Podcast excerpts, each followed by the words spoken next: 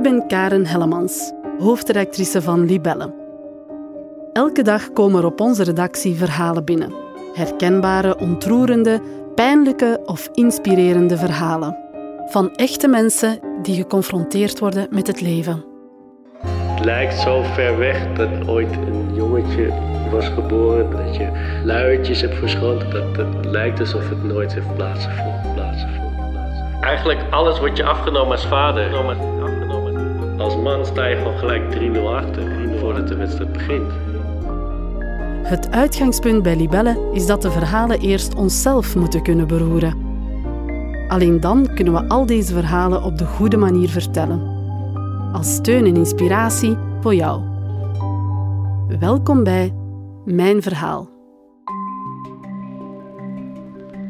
Het moment dat ik voor het eerst onze kindjes in mijn armen hield, was magisch. Dat geldt zowel voor mij als voor Koen, hun vierde papa. Meteen overspoelde ons ook die gezamenlijke verantwoordelijkheid. Vanaf dat moment was het onze taak om er samen voor te zorgen dat dat kleine wezentje omarmd werd met liefde. Maar stel je maar eens voor dat er van samen niet veel sprake is. Dat de ene ouder het kind de liefde van de andere wil ontzeggen. Dit is het verhaal van Erik. Libelle-redactrice Caroline zocht hem op. Ik ontmoette Erik in zijn appartement in Antwerpen. Toen ik net binnen was, viel mijn oog op de foto van een knap eenjarig kereltje. Dat moest dus Legolas zijn, het zoontje van Erik en Pamela. Op dit moment woont Legolas meer dan 10.000 kilometer verderop, helemaal buiten Eriks wil om. Nochtans was er in de beginjaren geen vuiltje aan de lucht. Erik leerde Pamela kennen in Zuid-Amerika toen hij er werkte als reisbegeleider in 2004. En dan heb ik zes jaar zo daar gewerkt en uh, gewoond. Uh, met veel reizen ondertussen, gewoon in het jaar. En dan na zes jaar hebben we besloten uiteindelijk om naar Europa te gaan. En dan zijn we uiteindelijk in België beland. En dan hebben wij hier nog eigenlijk zes jaar ge geleefd. Dus in totaal ken ik haar twaalf jaar voordat dit is gebeurd. Dat Erik verliefd werd op Pamela was niet zo verwonderlijk. Hij had altijd al een zwak voor Zuid-Amerika. De hartelijkheid en de bedrijvigheid die zo eigen is aan de cultuur Gins, vond hij bij Pamela terug in het kwadraat. Dus ik ontmoette iemand eigenlijk die aan het begin stond, als het ware, van de wereld te ontdekken. Dus overal enthousiast over was met een energie om alles te doen en te leren kennen. En dat sprak mij heel erg aan. Wat gebeurde in België is dat eigenlijk het omgekeerde gebeurde. Dus van iemand die heel erg um, um, zin had om alles te doen, voelde zij zich steeds meer zeg maar, een soort van gevangen en ging zij zich steeds meer uh, uh, opsluiten in huis. Ook al hadden Pamela en Erik samen beslist om naar België te verhuizen, geen van hen beiden had zien aankomen hoe zwaar het zou worden. Um, maar het bleek wel moeilijk voor haar om hier ze zeg maar aan te passen. Dat merkten we ook wel. Taal was moeilijk om te leren. Um, uiteindelijk is het een andere cultuur. Uh, waar zij tegenaan liep is bijvoorbeeld dat het altijd stil is, dat je geen geluid mag maken. Zuid-Amerika is super uitbundig. Altijd muziek, altijd feest. Ze voelde zich niet zo vrij om gewoon uh, um, te doen wat ze daar ook deed. Hoe slecht Pamela zich in België voelde, werd pas echt duidelijk toen het gezin voor drie maanden op vakantie trok naar Peru, naar de familie van Pamela. Met de eerste verjaardag eigenlijk van mijn zoontje Leolas zijn we naar Peru gegaan. En uh, dat was dan om zijn verjaardag te vieren en dan uh, hem daar te dopen. Uh, het was natuurlijk voor haar op dat moment geweldig. En toen begon eigenlijk het, het gemis van wat ontbrak hier in België. En daar hebben we het over gehad. En uiteindelijk hebben we toen besloten: oké, we gaan kijken wat zijn de mogelijkheden om daar een business te starten in Peru ging zij zich steeds meer, zeg maar, uh, um, verwijderen van mij. Op zich is dat te begrijpen, ik vond het ook niet erg. Hè, want zij is nu daar, ze heeft weer terug alle, alle dingen die ze heeft gemist. Ik weet op haar verjaardag, bijvoorbeeld, dan waar ik met haar dansen. En Peru is altijd dansen. Ehm, en dan eh, uh, zei ze: Nee, ik eh, doe het niet. Nee, ik ben niet gewend om voor mijn familie te dansen. Maar ja, dat is de grootste onzin. Ik bedoel, van in Peru danst iedereen altijd, alle leeftijden constant.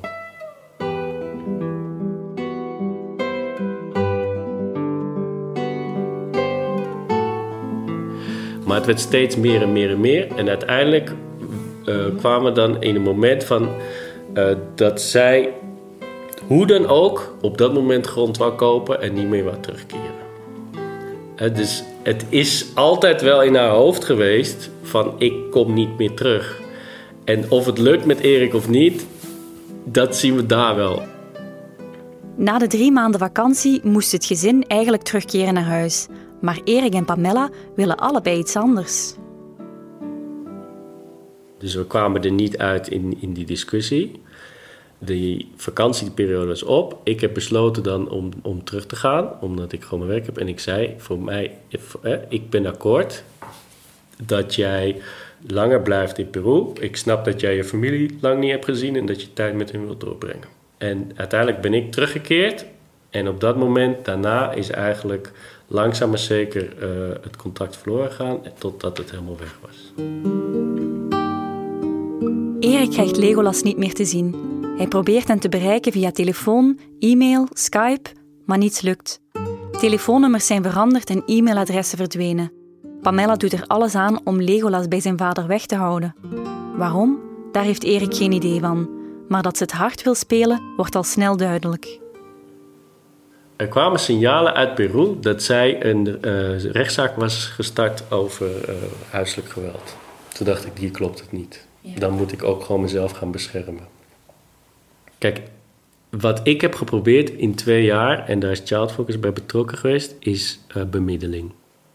Hilde de Marais is beleidsmedewerker bij Child Focus, een organisatie die zich inzet voor verdwenen kinderen. Zij legt uit wat Child Focus precies doet in zo'n situatie.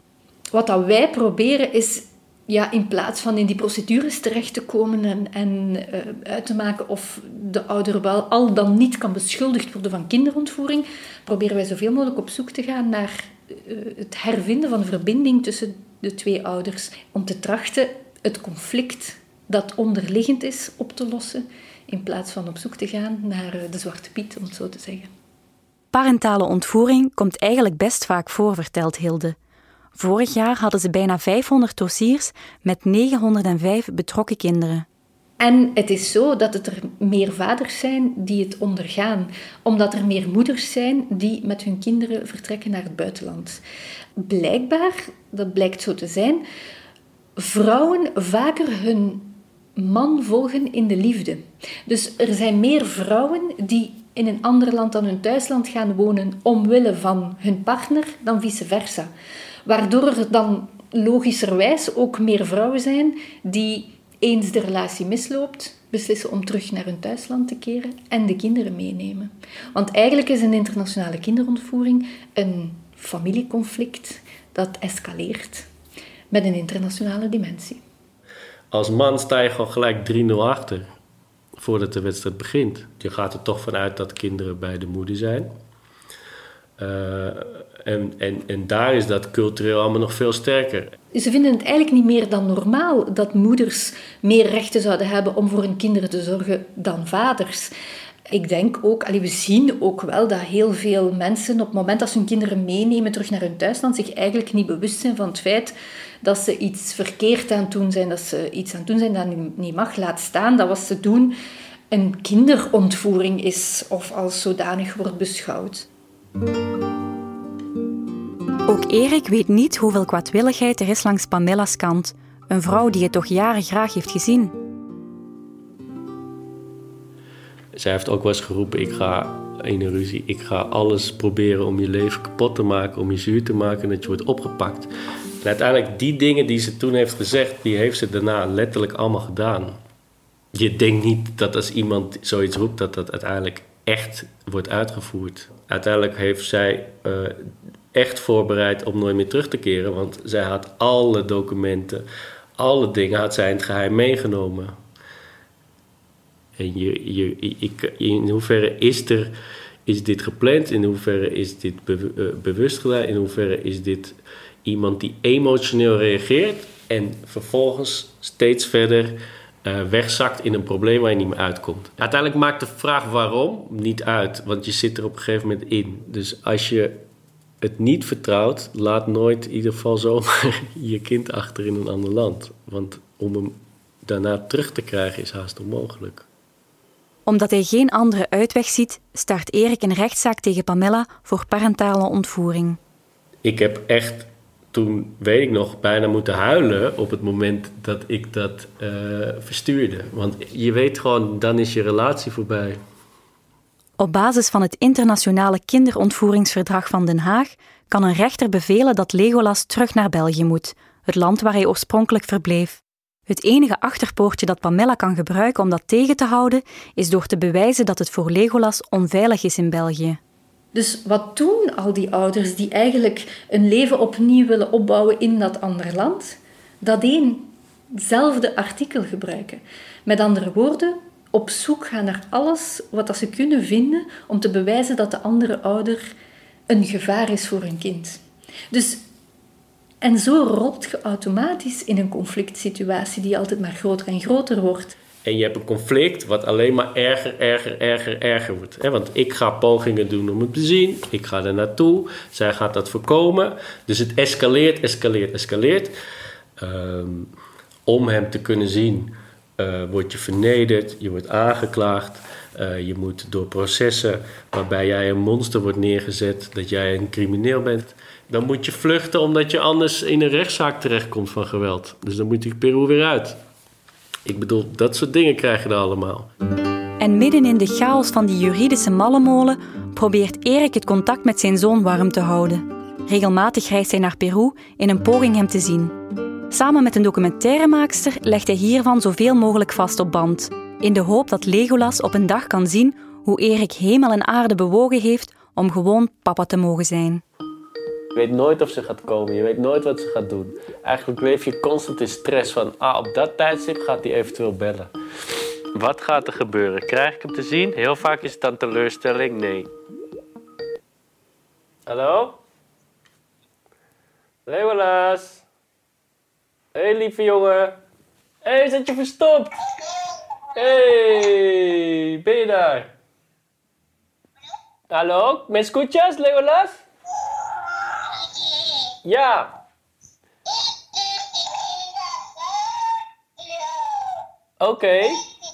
Heb je een auto? Ik zie het. Mooi. Voy a visitarte pronto. Ja? Ciao, Legolas. Lief, doe maar uit. Druk maar. Papa vindt je lief hoor. Ja? Ciao, Ligito. Ciao, ciao.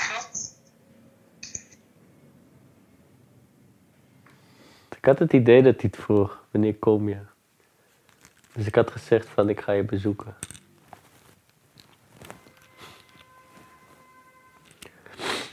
Maar ik vind het wel bijzonder, hij herkent me wel goed.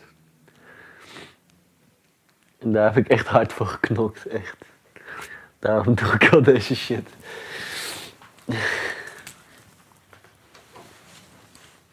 Want dat gedoe met Pamela is echt zo zwaar. Maar ja, kijk, hij heeft mij een jaar nu al niet gezien bijna. Het gaat wel fijn zijn als ik er ben. Nadat Erik zijn zoon ruim een jaar niet heeft gezien, komt er een doorbraak in de zaak. Alles is ingepakt. Het begint uh, spannend te worden. De laatste updates zijn eigenlijk dat ik gisteren dus uh, opeens het horen gekregen dat er een nieuwe uitspraak is van de omgangsregeling.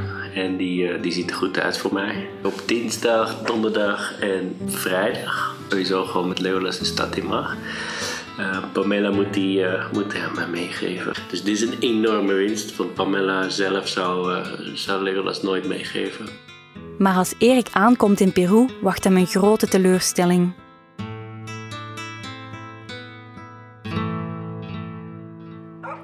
Ik heb honderden keren voor dichte deuren gestaan. Het is onbegrijpelijk dat ik drie weken hier elke dag voor de deur moet staan. Maar de rechtbank laat haar gewoon al die dingen doen. Dus het is niet zo als zij niet die uitspraak uh, uitvoert, dat er dan een sanctie op komt. dus er worden sancties uitgeschreven, maar zonder zeg maar, een datum om die op toe te passen. Dus er staat van we gaan de woning openbreken en het kind eruit halen. Ja, maar er staat niet op waar en wanneer. Dus ze doen alleen maar stukken documenten waar je niks mee kan. Het gevaar zit erin dat ik als het niet in mijn voordeel valt en dat zij gewoon dus kan doen wat ze zin in heeft, dat ik uiteindelijk Leolas kwijt ben. Op een dag krijgt hij wel een glimp te zien van Legolas, die in alle staten is. Totaal onder de indruk belt Erik die avond met zijn eigen vader Bart.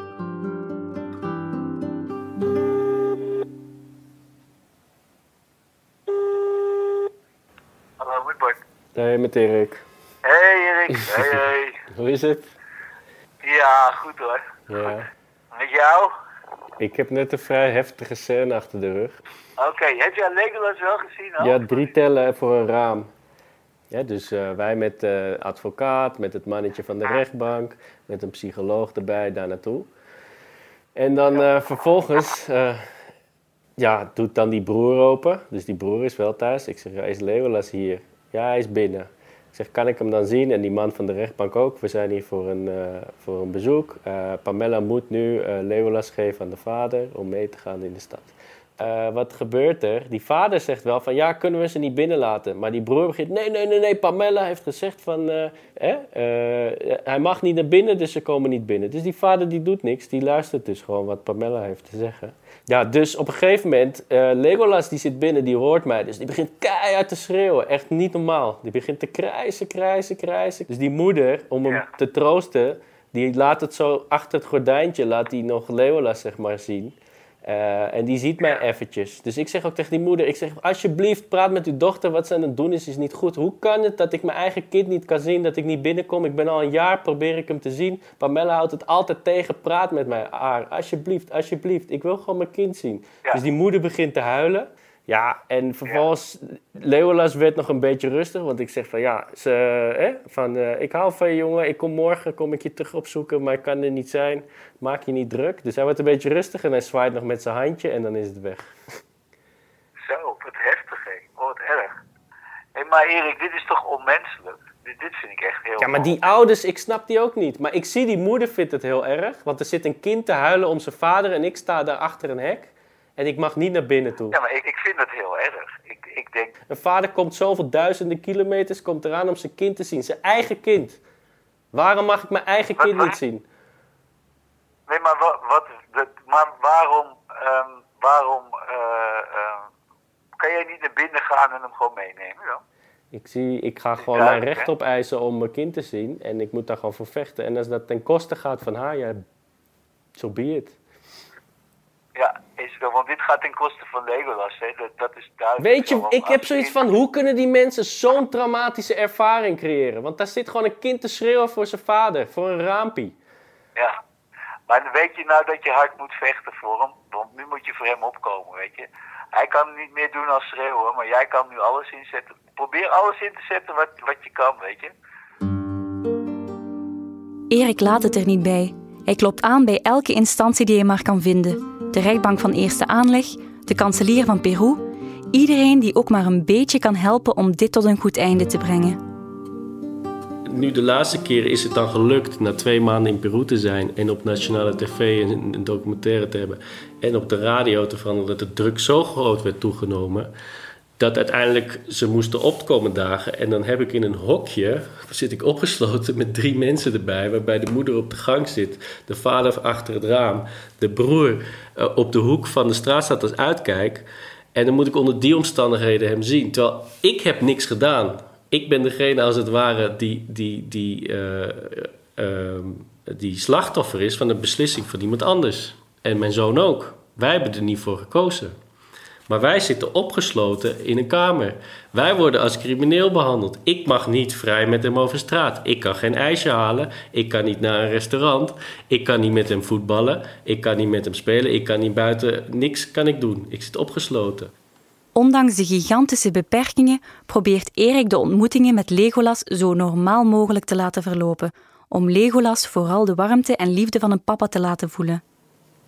Ik heb gewoon een verjaardagsfeestje dan ge- georganiseerd. Omdat hij dan een sterke herinnering heeft van een feestje. Want ik heb dat jaren niet kunnen doen. En hoe ziet een verjaardagsfeestje in een hokje eruit? Dat ziet eruit dat een vader eerst zijn voet pakt. dan met een blad eigenlijk een pen tekent hoe groot zijn voeten zijn. Om bijvoorbeeld schoenen eerst te kopen als cadeau. En vervolgens haal ik dan kleren dat hij er goed uh, uitziet. En dan uh, wat ze daar hebben is dat je een piñata hebt. Dus dan ben ik een piñata gaan halen. en dan cadeautjes en, en gewoon een taart en wat, dat soort dingetjes. Ja, maar ja, eigenlijk zou je gewoon andere kinderen willen uitnodigen. Of dat je ergens naartoe gaat en een feestje doet. Maar ja, je zit dan binnen. En dan uh, ben je eigenlijk gewoon met z'n tweeën of met z'n drieën, want zijn, uh, zijn opa was erbij.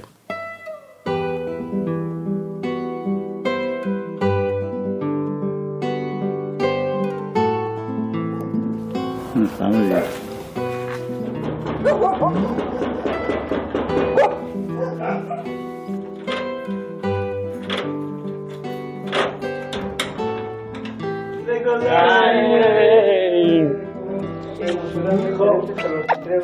¿Estás bien? ¿Sí?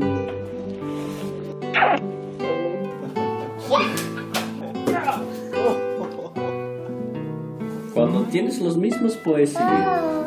¿Qué pasó? Ah, tú tienes gel. Qué bonito. Yo también un poquito. No, es Mickey. Espera, espera, espera. Ahora soy yo.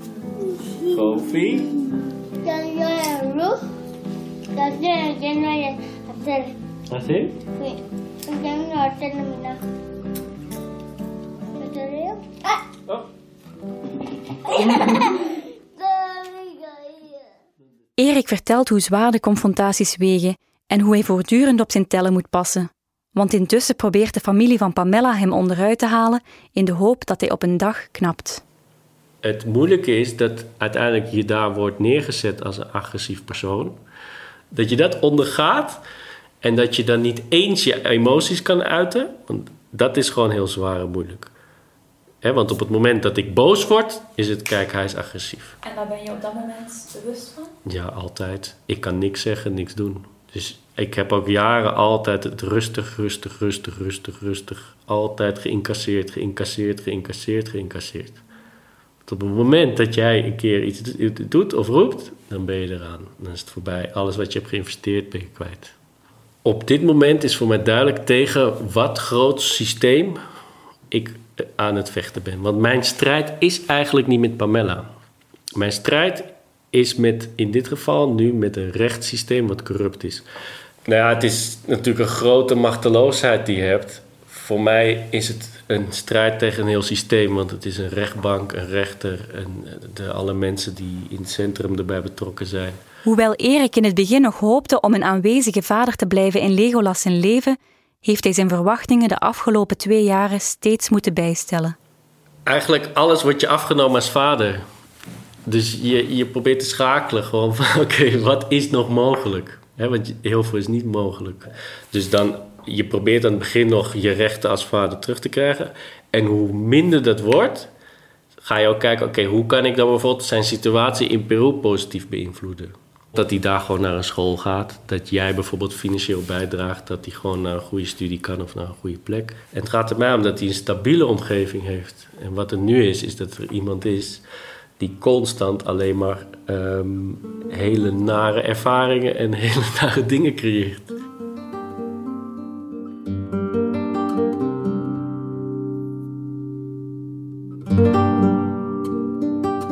Ondertussen zit Erik in een impasse. Hij heeft juridisch alle stappen ondernomen om Legolas te kunnen zien. Hij kreeg de toestemming van de rechters, maar toch lukt het hem niet. De moed zakt hem steeds vaker in de schoenen. Ik heb het nu niet leuk. Uh, mijn familie heeft helemaal geen contact ook met hun kleinkind. De andere kant heeft het waarschijnlijk ook niet gezellig. Ik bedoel, die leven ook niet in een ideale situatie. Daarbij is het grootste slachtoffer nog Legolas. Ik denk dat iedereen in die, in die zaken uh, slachtoffer is op een bepaalde manier. In de beginfase zijn ze heel gemotiveerd en heel actief. Ze krijgen ook heel veel steun van heel veel mensen. Ehm, maar zeker in die zaken die blijven aanslepen en waarbij dat, uh, dat de oplossing uiteindelijk heel lang uitblijft, um, ja, zien we toch dat er echt fases komen van moedeloosheid, omdat er niks verandert, omdat ze alles gedaan hebben wat ze konden doen en toch geen resultaat zien, omdat ze um, uiteindelijk juridisch alles hebben. Dus er kan niet meer gedaan worden en toch hebben ze hun kind niet. Um, en ja, dan, dan is er heel veel moedeloosheid. Het compleet de stekker eruit trekken, ja, dat is heel moeilijk. Maar het altijd hiermee bezig zijn is ook heel zwaar. En op een gegeven moment moet je die twee tegen elkaar afwegen. En de juiste beslissing, ja, wat is die? Hè? En op, op sommige momenten denk je van ja, ik trek dit niet meer. En op andere momenten dan, uh, dan denk je weer aan, aan wat Leolas zegt. En Leolas zegt van uh, ik kom altijd als jij wilt. En dan merk je van ja, het is ook belangrijk voor hem dat je gewoon um, je best doet.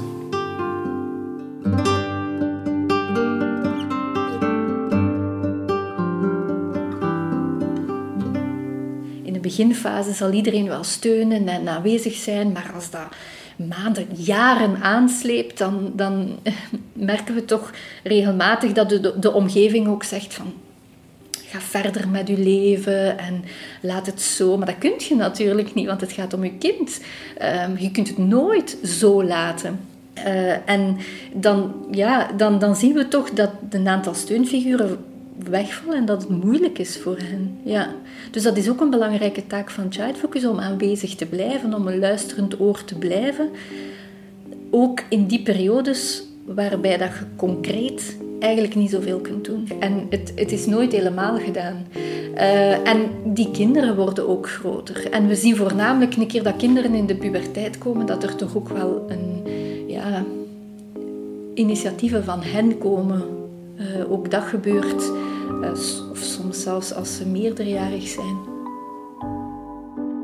Op een gegeven moment gaat hij op eigen benen staan en dan krijgt hij zijn eigen wil. En dan gaat hij ook zoeken. En ja, ik moet zorgen dat, die, uh, dat ik puzzelstukjes achterlaat, zodat hij me kan vinden. Maar goed, ik ben nog niet klaar. maar het is wel even kut.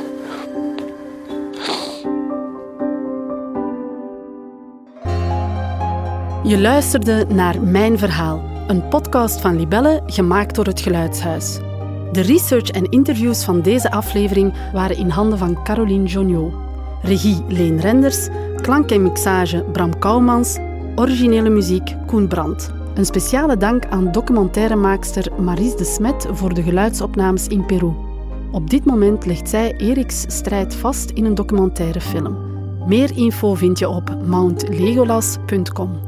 Wil je niets van deze podcast missen? Surf dan wekelijks naar libelle.be slash podcast of abonneer je gratis op Mijn Verhaal via Spotify of een andere podcast-app.